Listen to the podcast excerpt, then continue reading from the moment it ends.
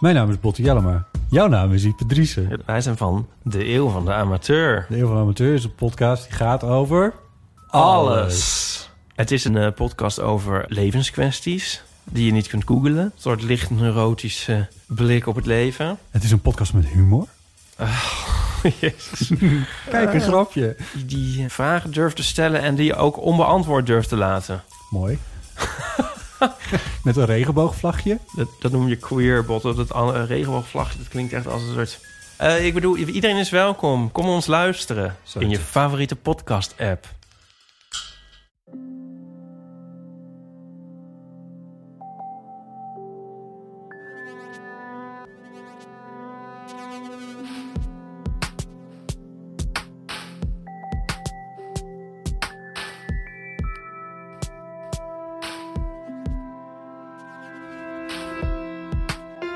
Hey, ik ben Pieter van Relaas.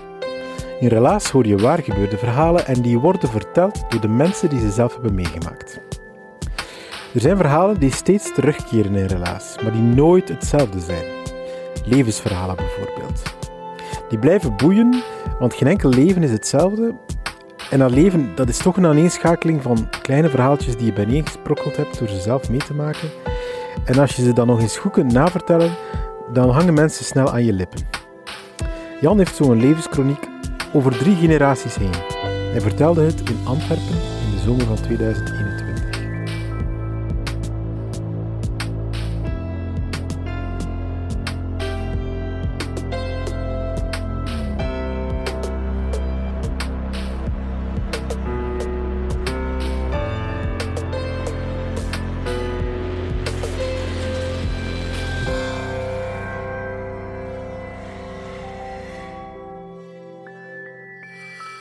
Ik, ehm, ik draag rond mijn linkerpols een horloge van eh, 1960. Het is een eh, Omega, eh, Omega Seamaster kalender. Dat is een erfstuk van mijn vader. Ehm, eigenlijk hetgene wat ik absoluut wou hebben. Omdat dat horloge, dat, dat doet mij een beetje denken aan geborgenheid, aan rust, aan veiligheid. Is raar, want eh, het laatste beeld van dat horloge eh, rond mijn vader zijn linkerpols is op zijn doodsbed.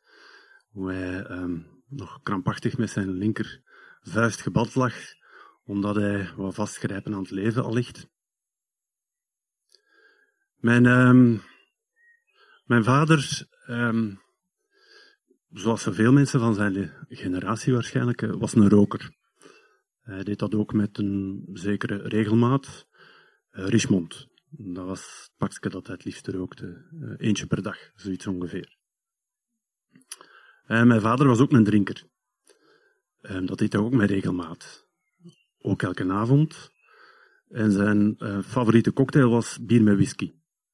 En als bier met whisky er niet was, dan was het bier met wijn. En als de wijn op was, was het bier met bier. En tegen dan was er waarschijnlijk al terug whisky, dus. En dat is ook zijn dood geweest, die combinatie, eh, keelkanker. En bij de eh, therapie hebben ze zijn stottenhoofd kapot gestraald. En hij kon dus op het einde niet meer eten. Eh, Hij kon heel moeilijk ademen, slikken ging heel moeilijk. Kortom, eh, op 5 september 1999 is hij dus gestorven, eh, rond vijf uur s morgens, denken met dat horloge aan zijn linkerpols. En ongeveer een drie jaar daarvoor eh, ben ik terug alleen komen te staan. Ik was toen ehm 32 en na een huwelijk van 12 jaar op de klippen gesprongen en ik kwam terug alleen te staan. Eigenlijk voor de eerste keer op mijn eigen benen. En eh, ik was verhuisd naar Mechelen. Naar een, ehm, een, een zo'n burgerwoning van 1900, die in drie lagen, drie appartementen was verdeeld. Zo'n oud, wel ruim appartement, maar oud met hele hoge plafonds. En ehm, we hadden de verhuis gedaan. Enfin, verhuis, er was niet zo heel veel te verhuizen. En ik keek naar buiten in, in mijn living. En ik had nog geen gordijnen en het was donker. En er was zo'n peertje dat in het midden hing, want ik had ook geen lampen. Er was zo'n peertje dat we hadden gezet. En ik zag mijzelf daar zitten, in zo'n afstand uh, fatulleke. We hadden zo'n salontje, ik had een salontje nog, waar ik juist in paste, in die een zit. Ik had wat appelkisten meegenomen. En die appelkisten, dat was dan mijn kast. En daar zaten dan mijn strips in. En één appelkist stond omgekeerd. En dat was dan mijn salontafeltje. En zo zag ik mij dus weer spiegeld in de ramen en, en dacht ik van, zit hem hier nu zitten? 32 jaar. Geen vrouw, geen kinderen, geen huis, bijna geen vrienden meer, geen meubelen, financiële kater. En nu? Maar ik had wel mijn ouders terug. Terug. Want die waren niet zo tevreden met het huwelijk. Dus in die twaalf jaar was het redelijk stil geworden tussen mijn ouders en mij. Maar de moment dat ik zei, het is gedaan, eh, ik heb een nodig, stonden ze daar terug. Ze hadden mij een gegeven, mijn eenpersoonsbeddeke, waar ik dan in kon slapen. Ze hadden mij teruggeholpen. Het is eigenlijk raar hoe dat een scheiding aan de ene kant een hereniging kan betekenen, aan de andere kant. Alleen um, met mijn papa heeft dat dus niet zo lang geduurd. Want uh, drie jaar daarna is hij dus gestorven. En ik zie hem nog liggen. Um, we hadden zo'n bed beneden gezet op in de living. Mijn ouders sliepen boven en, en we hadden dan een benedenverdieping waar dat wij als kinderen vroeger ook sliepen. En we hadden zo'n bed beneden gezet, dan kon hij naar de tuin kijken. Dat was zo'n beetje zijn, um, ja, dat was zijn ding, de tuin. En hij lag um, op zijn zij, op zijn uh, rechterzij, onder een deken van um, um, Good Night. Ik weet niet of je dat merk kent, eh, sommigen. Dat is, dat is een heel goed merk, want die deken waar dat hij onder lag, dat is dezelfde deken als waar dat ik onder lag toen dat ik zes jaar was. Dat was zo, en ik kende die deken heel goed. Dat is de logo, dat is redelijk groot.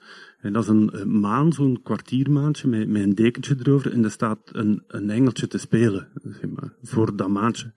Om dat in slaap te doen. En ik herinner mij dat goed, omdat um, als ik astma niet kon slapen, dan keek ik naar dat logo en dan maakte ik een verhaaltje voor mezelf, zeg maar. Om mij wat te kalmeren.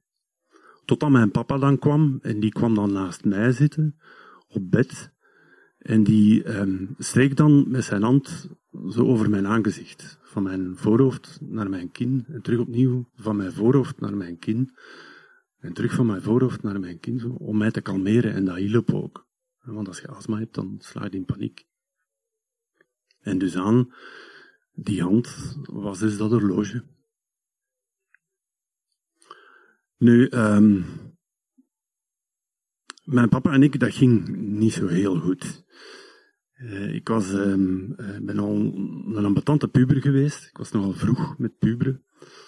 Um, op mijn veertien jaar had ik mijn eerste serieus lief, waar ik serieus mee vreed. Uh, ik werd van school gestuurd. de prefect had mij in het college bij hem geroepen en gezegd van, um, Jan, ofwel ga jij veranderen, ofwel ga je van school veranderen. En ik had toen um, een, zo'n jeans, groen gekleurd, en die um, scheuren dat erin waren met toespellen dichtgemaakt. En ik had een halsbandje aan van Jeska, onze hond, die dag gestorven was. En dus perfect zei, ga moeten veranderen. Ofwel veranderde van school. Ja, de, dus ik verander van school. Hè. En um, op mijn 15, 16 jaar um, begon ik al uit te gaan. Um, wij woonden dus in dat huis op de gelijkvloer. En um, ik zette dan mijn fiets onder mijn raam. En dan s'avonds, de vrijdagavond en de zaterdagavond, deed ik mijn uh, slaapkamerdeur op slot. Dan deed ik mijn raam open, dan sprong ik op mijn fiets en dan ging ik van Mechelen, uh, sorry, van Bonheide, waar dat wij woonden, naar Mechelen. Dat is 20 minuten met de fiets. En dan ging ik uit in, uh, in de revue, in de Coxiestraat. Dat was een, een vrij eigen discotheek. En dan zat ik daar tot, uh, tot vijf, zes uur s morgens. was ik 16 jaar. En dan kroop ik terug op mijn fiets en terug van Mechelen naar, naar Bonn. En dan kroop ik terug in mijn raam en dan, voilà.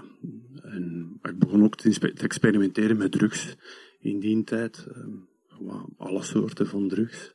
Behalve heroïne. Daar ben ik afgebleven. Ik had dan, um, um, ik weet niet of je die boek kent van Christiane F. of Ban of Zo. Ik had die gelezen en ik dacht, nee, dat niet, dat niet. Maar de rest, allee, daar heb ik me wel mee geamuseerd, zeg maar. Ehm, en ehm, ja, ik, ah ja, ehm, ja, dat ging dus niet goed met, ons, met onze papa. Want ik had dan een oorbel gezet en daar flipte hem compleet op. Dat is, dat een gedoe, hè, een oorbel zetten. Ik zette die zelf. Dus hoe dat je dat doet, is je pakt een naald, een, een dikkere naald, en je pakt een kruk. Dan waren er genoeg van bij ons in thuis, de kruk. Dus je steekt dan je naald door je oorlel tot in je kruk achteraan, en dan trekt je de naald er terug uit, en dan pakt je oorbel. Dat gaat best met een stekertje. En dan moet je dus in dat gaatje dat je geboord hebt, je oorbel steken. En de kunst is dat je dan van achter dat gaatje terug moet vinden. En ik vond dat nooit terug. Dus dan moest ik terug de kurk pakken en dan terug erin steken. Een heel gedoe. Maar mijn vader, die, die, die flipte daar dus op. Dus ja, heb ik er negen gestoken natuurlijk. Dus zes aan de ene kant, drie aan de andere kant. Enfin, beetje, beetje punker zo, zeg maar. Um, een lastige. En zonder vader. Want um, bij ons gold een beetje de regel. Vanaf 8, 9 uur s'avonds moeten bij onze papa niet afkomen met zware vragen of, of, of, of um, um, dingen dat je zou willen weten. Want dan was hij aan zijn hobby bezig. Dus die cocktail van, van bier met whisky. En af en toe had ik dat dan wel, zo op mijn 12, 13 jaar. Dan had ik toch een, een vraag, dan dacht ik van ja, kan ik dat aan als, vragen, aan als, aan papa vragen? En dan luisterde ik heel intens naar wat dat hij aan het vertellen was tegen mij, want dat was wel mijn vader. Hè. Dat, dat was een hele slimme mens. Was een burgerlijke ingenieur. Dus die wist wel waarover dat leven ging. Wist ik veel natuurlijk dat dronkaards na een bepaalde tijd echt de problemen van de wereld kunnen oplossen. Maar dat is zo moeilijk om uit te leggen dan. Hè. En het vanderdaagse weten ze ook niet meer hoe dat het nu feitelijk zat ermee. Dus dat ging gewoon niet. En op een gegeven moment heeft mijn vader, um, toen dat ik 15, 16 jaar was, tegen mijn moeder gezegd van, ga met je zoontje, hier is hem, trek er plan mee. En ons mama heeft dat gedaan. En um, als ik zo bijvoorbeeld dan terugkwam van de discotheek, dan um, moest ik ook wel eens naar het toilet gaan, na die lange fietstocht. Dat was 20 minuten fietsen ongeveer. En dan moest zij toevallig ook naar beneden komen. Dan kwam die toevallig en dan zei hij van, ah, Jan, zeg jij? Ja, de, wie anders? Ah, um, ja, ik moest toevallig even opstaan en ik hoorde niets en ik kwam een keer kijken. Um, is alles in orde? Allee, ik ben blij dat je thuis bent, kruip maar rap in je bed, hè.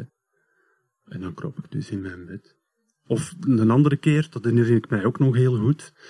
Um, dat is toen dat ik van school gesmeten was, uh, van, van het college liep ik met ons mama door Mechelen om een nieuwe school te zoeken voor mij. En ik weet nog goed wat ik aan had. Um, ik had uh, oranje haar, dus omhoog gezet in, in een anekam.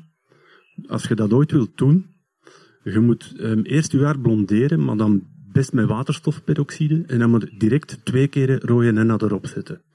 Dat is worteloranje, dat werkt fantastisch gewoon. Dus ik had, ik had zo mijn haar gedaan. En ik had het halsbandje van Jeske aan, onze, onze hond. En ik had dan zo een zwart visnet t-shirtje aan, zo eentje gelijk als dat Sid ook aan had, zo, weet wel. En um, ik had een skinny jeans aan. Nu, toen dat ik 16 jaar was, bestonden er nog geen skinny jeans. Maar ik had een, een nauwsluitende um, broek aan. En ik naaide die pijpen s'avonds altijd dicht. Uh, sorry, s'morgens altijd dicht, zeg maar. En dan had ik een skinny jeans. En dan uh, S'avonds als ik ging slapen, dan knipte ik die terug open en dan trok ik die uit en standaardaags terug opnieuw van hetzelfde. En uh, ik had fluo kousen aan. Mijn lief had die meegebracht uit Londen. Die was naar Londen geweest, die was dan aan een punkwinkel geweest en die had die fluo kousen voor mij meegebracht. Dus dat waren mijn favoriete kousen. En dan had ik um, witte leren schoenen aan met een crepe zool, die dat uh, mijn ouders voor mij gekocht hadden. En met een zwarte alcoholstift had ik daar zo'n zebra-motief op getekend. Dat waren fijne eigen schoenen. Dus zo liep ik rond met mijn meter tachtig en als mama naast mij aan het dribbelen met haar meter zestig. En op een gegeven moment kijkt ze naar mij op en, en ze zegt van, Jan, dat kan mij nu niet schelen hoe dat je eruit ziet of hoe dat je gekleed bent. Maar ik wil wel dat je rechtop loopt en niet als een geslagen hond hier naast mij. Want ik wil dat je fier bent. Want je bent mijn zoon, dus ik wil dat je rechtop loopt. Dat is mij altijd bijgebleven, dat ze dat zei tegen mij. Want ons mama was ook uh, lerares in datzelfde college waar dat ik was buiten gesmeten. Dus ik vond dat wel, ik vond dat wel knap. Ons mama is, is altijd lerares geweest. Dus uh, die is in de jaren 50 afgestudeerd. Dan was dat de normaalschool waar dat je uit afstudeerde. Dat heette zo. Um, en dan op je 18, 19 jaar kon je eruit en dan mocht je lesgeven. Ons mama, specialiteit was 8 à 10 jaar, zoiets ongeveer. Dus derde, vierde studiejaar. Dus die heeft lesgegeven van haar 20 jaar pakt tot haar dik 60, 65 jaar. Dat is 45 jaar lesgeven. Dat doet iets met een mens, denk ik. Hè. Ik bedoel, in die tijd hadden nog respect, maar. En eigenlijk zei jij keizerin in uw keizerrijk als lerares. Hè. De kinderen, de bel gaat, de kinderen komen in, in twee rijen, je pakt die mee naar binnen. En van het moment dat de deur dicht is, zeg jij keizerin. Met je onderdanen. Want je moet die alles vertellen, je moet die alles bijbrengen. Die, die weten eigenlijk virtueel niks. En jij wel. Rekenen, godsdienst, tekenen, muziek. Die komen met vragen naar u. Je moet die, als, die, als, die, als, ze, als ze braaf zijn, dan moet je ze belonen. Als ze, als ze stout zijn, moet je ze straffen. Zo'n beetje zalven en, en slaan tegelijkertijd. Een beetje keizerin, zeg maar. Volgens mij doet dat iets met, met, zo, met een mens als je zo lang bezig bent. Althans, met ons mama wel. Want voor haar was heel de wereld eigenlijk een klaslokaal met acht tot tienjarigen die dat erin zaten. Zeg maar. En daar moest het altijd zo aan uitleggen, aan, aan hun. Zeg maar. Mijn moeder kon, kon met de grootste stelligheid echt klinklare nonsens verkopen. Dat was zo zot te worden. Ik heb, het, uh, ik heb het echt moeilijk gehad met mijn ouders. Echt wel. En um, dat is er ook op een gegeven moment uitgekomen. Toen, ik was toen 40 jaar ongeveer. Mijn vader was gestorven. Eh, een paar jaar daarna is dat eruit gekomen. Zo. En dan nodigde ik ons mama uit om te gaan eten. Zeg, mama, we gaan gaan eten. Ik ga u trakteren op een etentje in de Beer in Mechelen, op de Grote Markt. Dat is zo nog een brasserie waar dat je nog gesteven uh, servetten krijgt. En waar dat je soms nog met een gesteven schort rondlopen. Zo'n zo brasserie. Vond ze geweldig om daar te gaan eten. En dan legde ik haar op de rooster. En dan zei ik tegen haar van, maar hoe is dat nu toch in godsnaam mogelijk dat je dat vroeger zo hebt gedaan? Of wat ging er in hele kop rond toen dat je dit of dat hebt gedaan? Of waarom heb je het eigenlijk zo geregeld? Op mama heeft daar heel transparant over teruggesproken toen. Uh, tijdens die dinertjes, uh, lunch dat wij hadden. En dat heeft mij geholpen. Om de duur was ze wel niet meer met mij gaan eten. Maar um, dat heeft mij een beetje geholpen om dat, um, dat een plaats te geven. En uiteindelijk zijn we dan weer terug gaan eten. Dus dat wel, dat in ieder geval. In, um, in 2004 ben ik zelf papa geworden. van een dochter. Um, een Oostenrijkse dochter. Ik had in Oostenrijk iemand ontmoet, iemand tegengekomen Gindracht. We zijn verliefd geworden. Uh, zij is naar hier gekomen. Uh, we zijn hier zwanger geworden. Um, en dus hebben we hier ook de bevalling meegemaakt van onze dochter Elena. Allemaal heel rap in die relatie, eerlijk gezegd. Ja, ik was al 39 toen. En zij was ook al iets ouder, dus dat mocht vooruit gaan. En Elena dacht, ja, als dat hier vooruit mag gaan, dan ga ik ook zes weken te vroeg komen.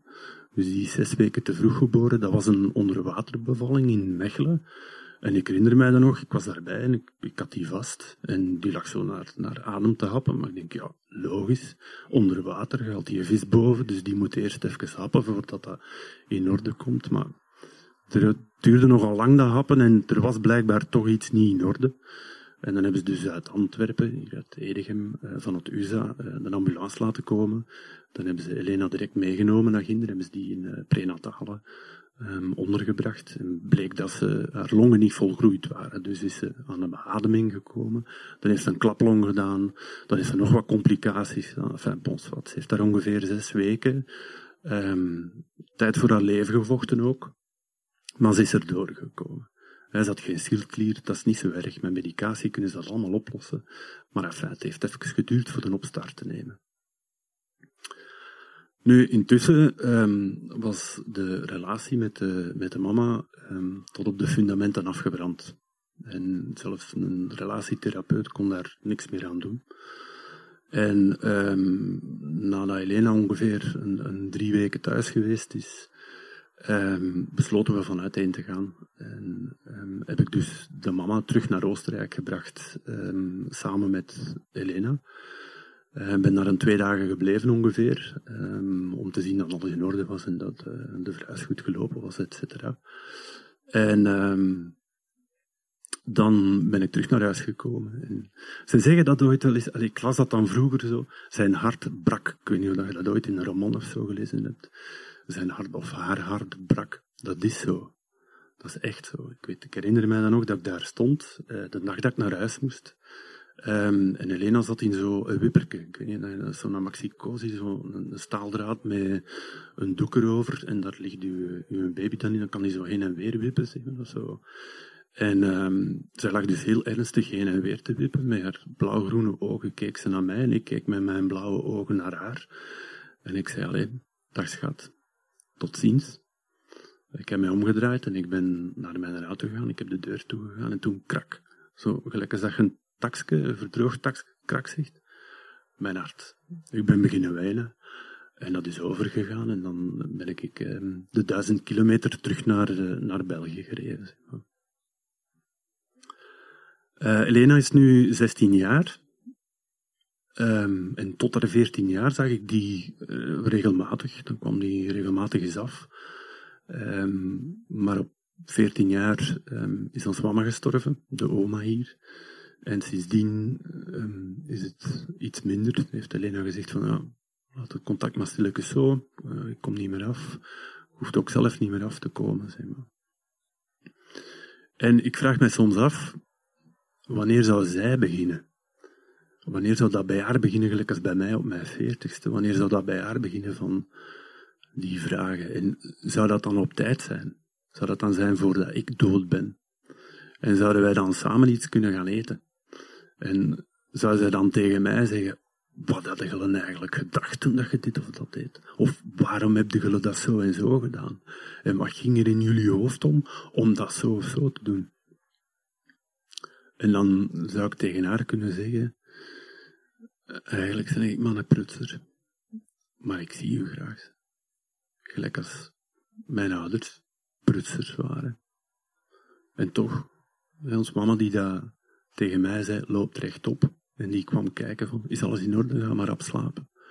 Of onze papa, die dan naast mij kwam zitten als ik astma had en mij kalmeerde met zijn hand over mijn aangezicht. En daar dan die horloge, die Omega-C Master kalender. Moest het kunnen, um, ik zou ze nog een keer uitnodigen, alle twee in de beer. Ik zou tegen hun zeggen, mama, papa, ga zijn prutsers. Maar ik zie jullie graag. Dank u.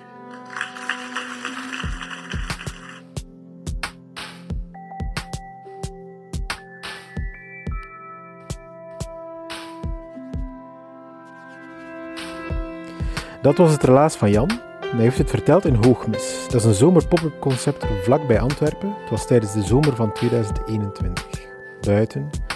Tegen de gevel van de pastorie, bij valavond, daar heeft hij het verteld. Het was prachtig uitgelicht, afgetekend tegen de kerk met zijn schaduw.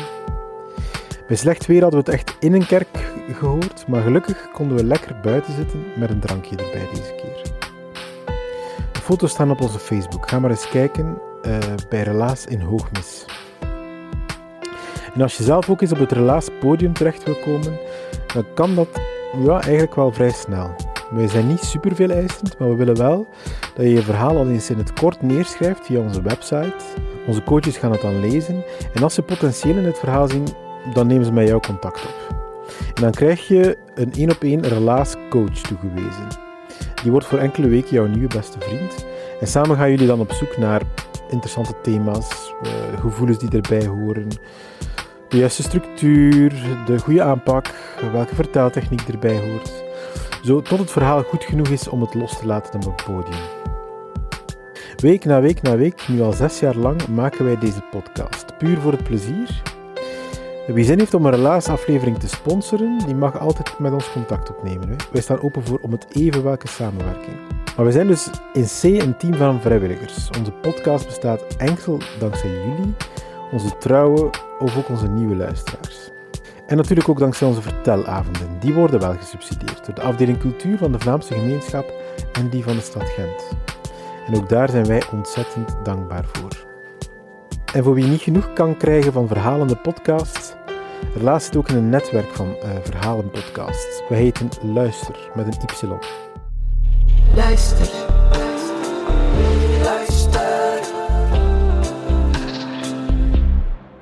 Ga maar eens snuffelen op luister.be. Ikzelf bijvoorbeeld was heel gecharmeerd door de podcast Stemmen uit een stad. Het is een podcast van Hanna Gielsen onder andere. Zeer vergelijkbaar met Relaas. En met prachtige illustraties van Azam Mazoumzadeh. Neem maar eens een kijkje, luister.be. Daar vind je al die verhalende podcasts.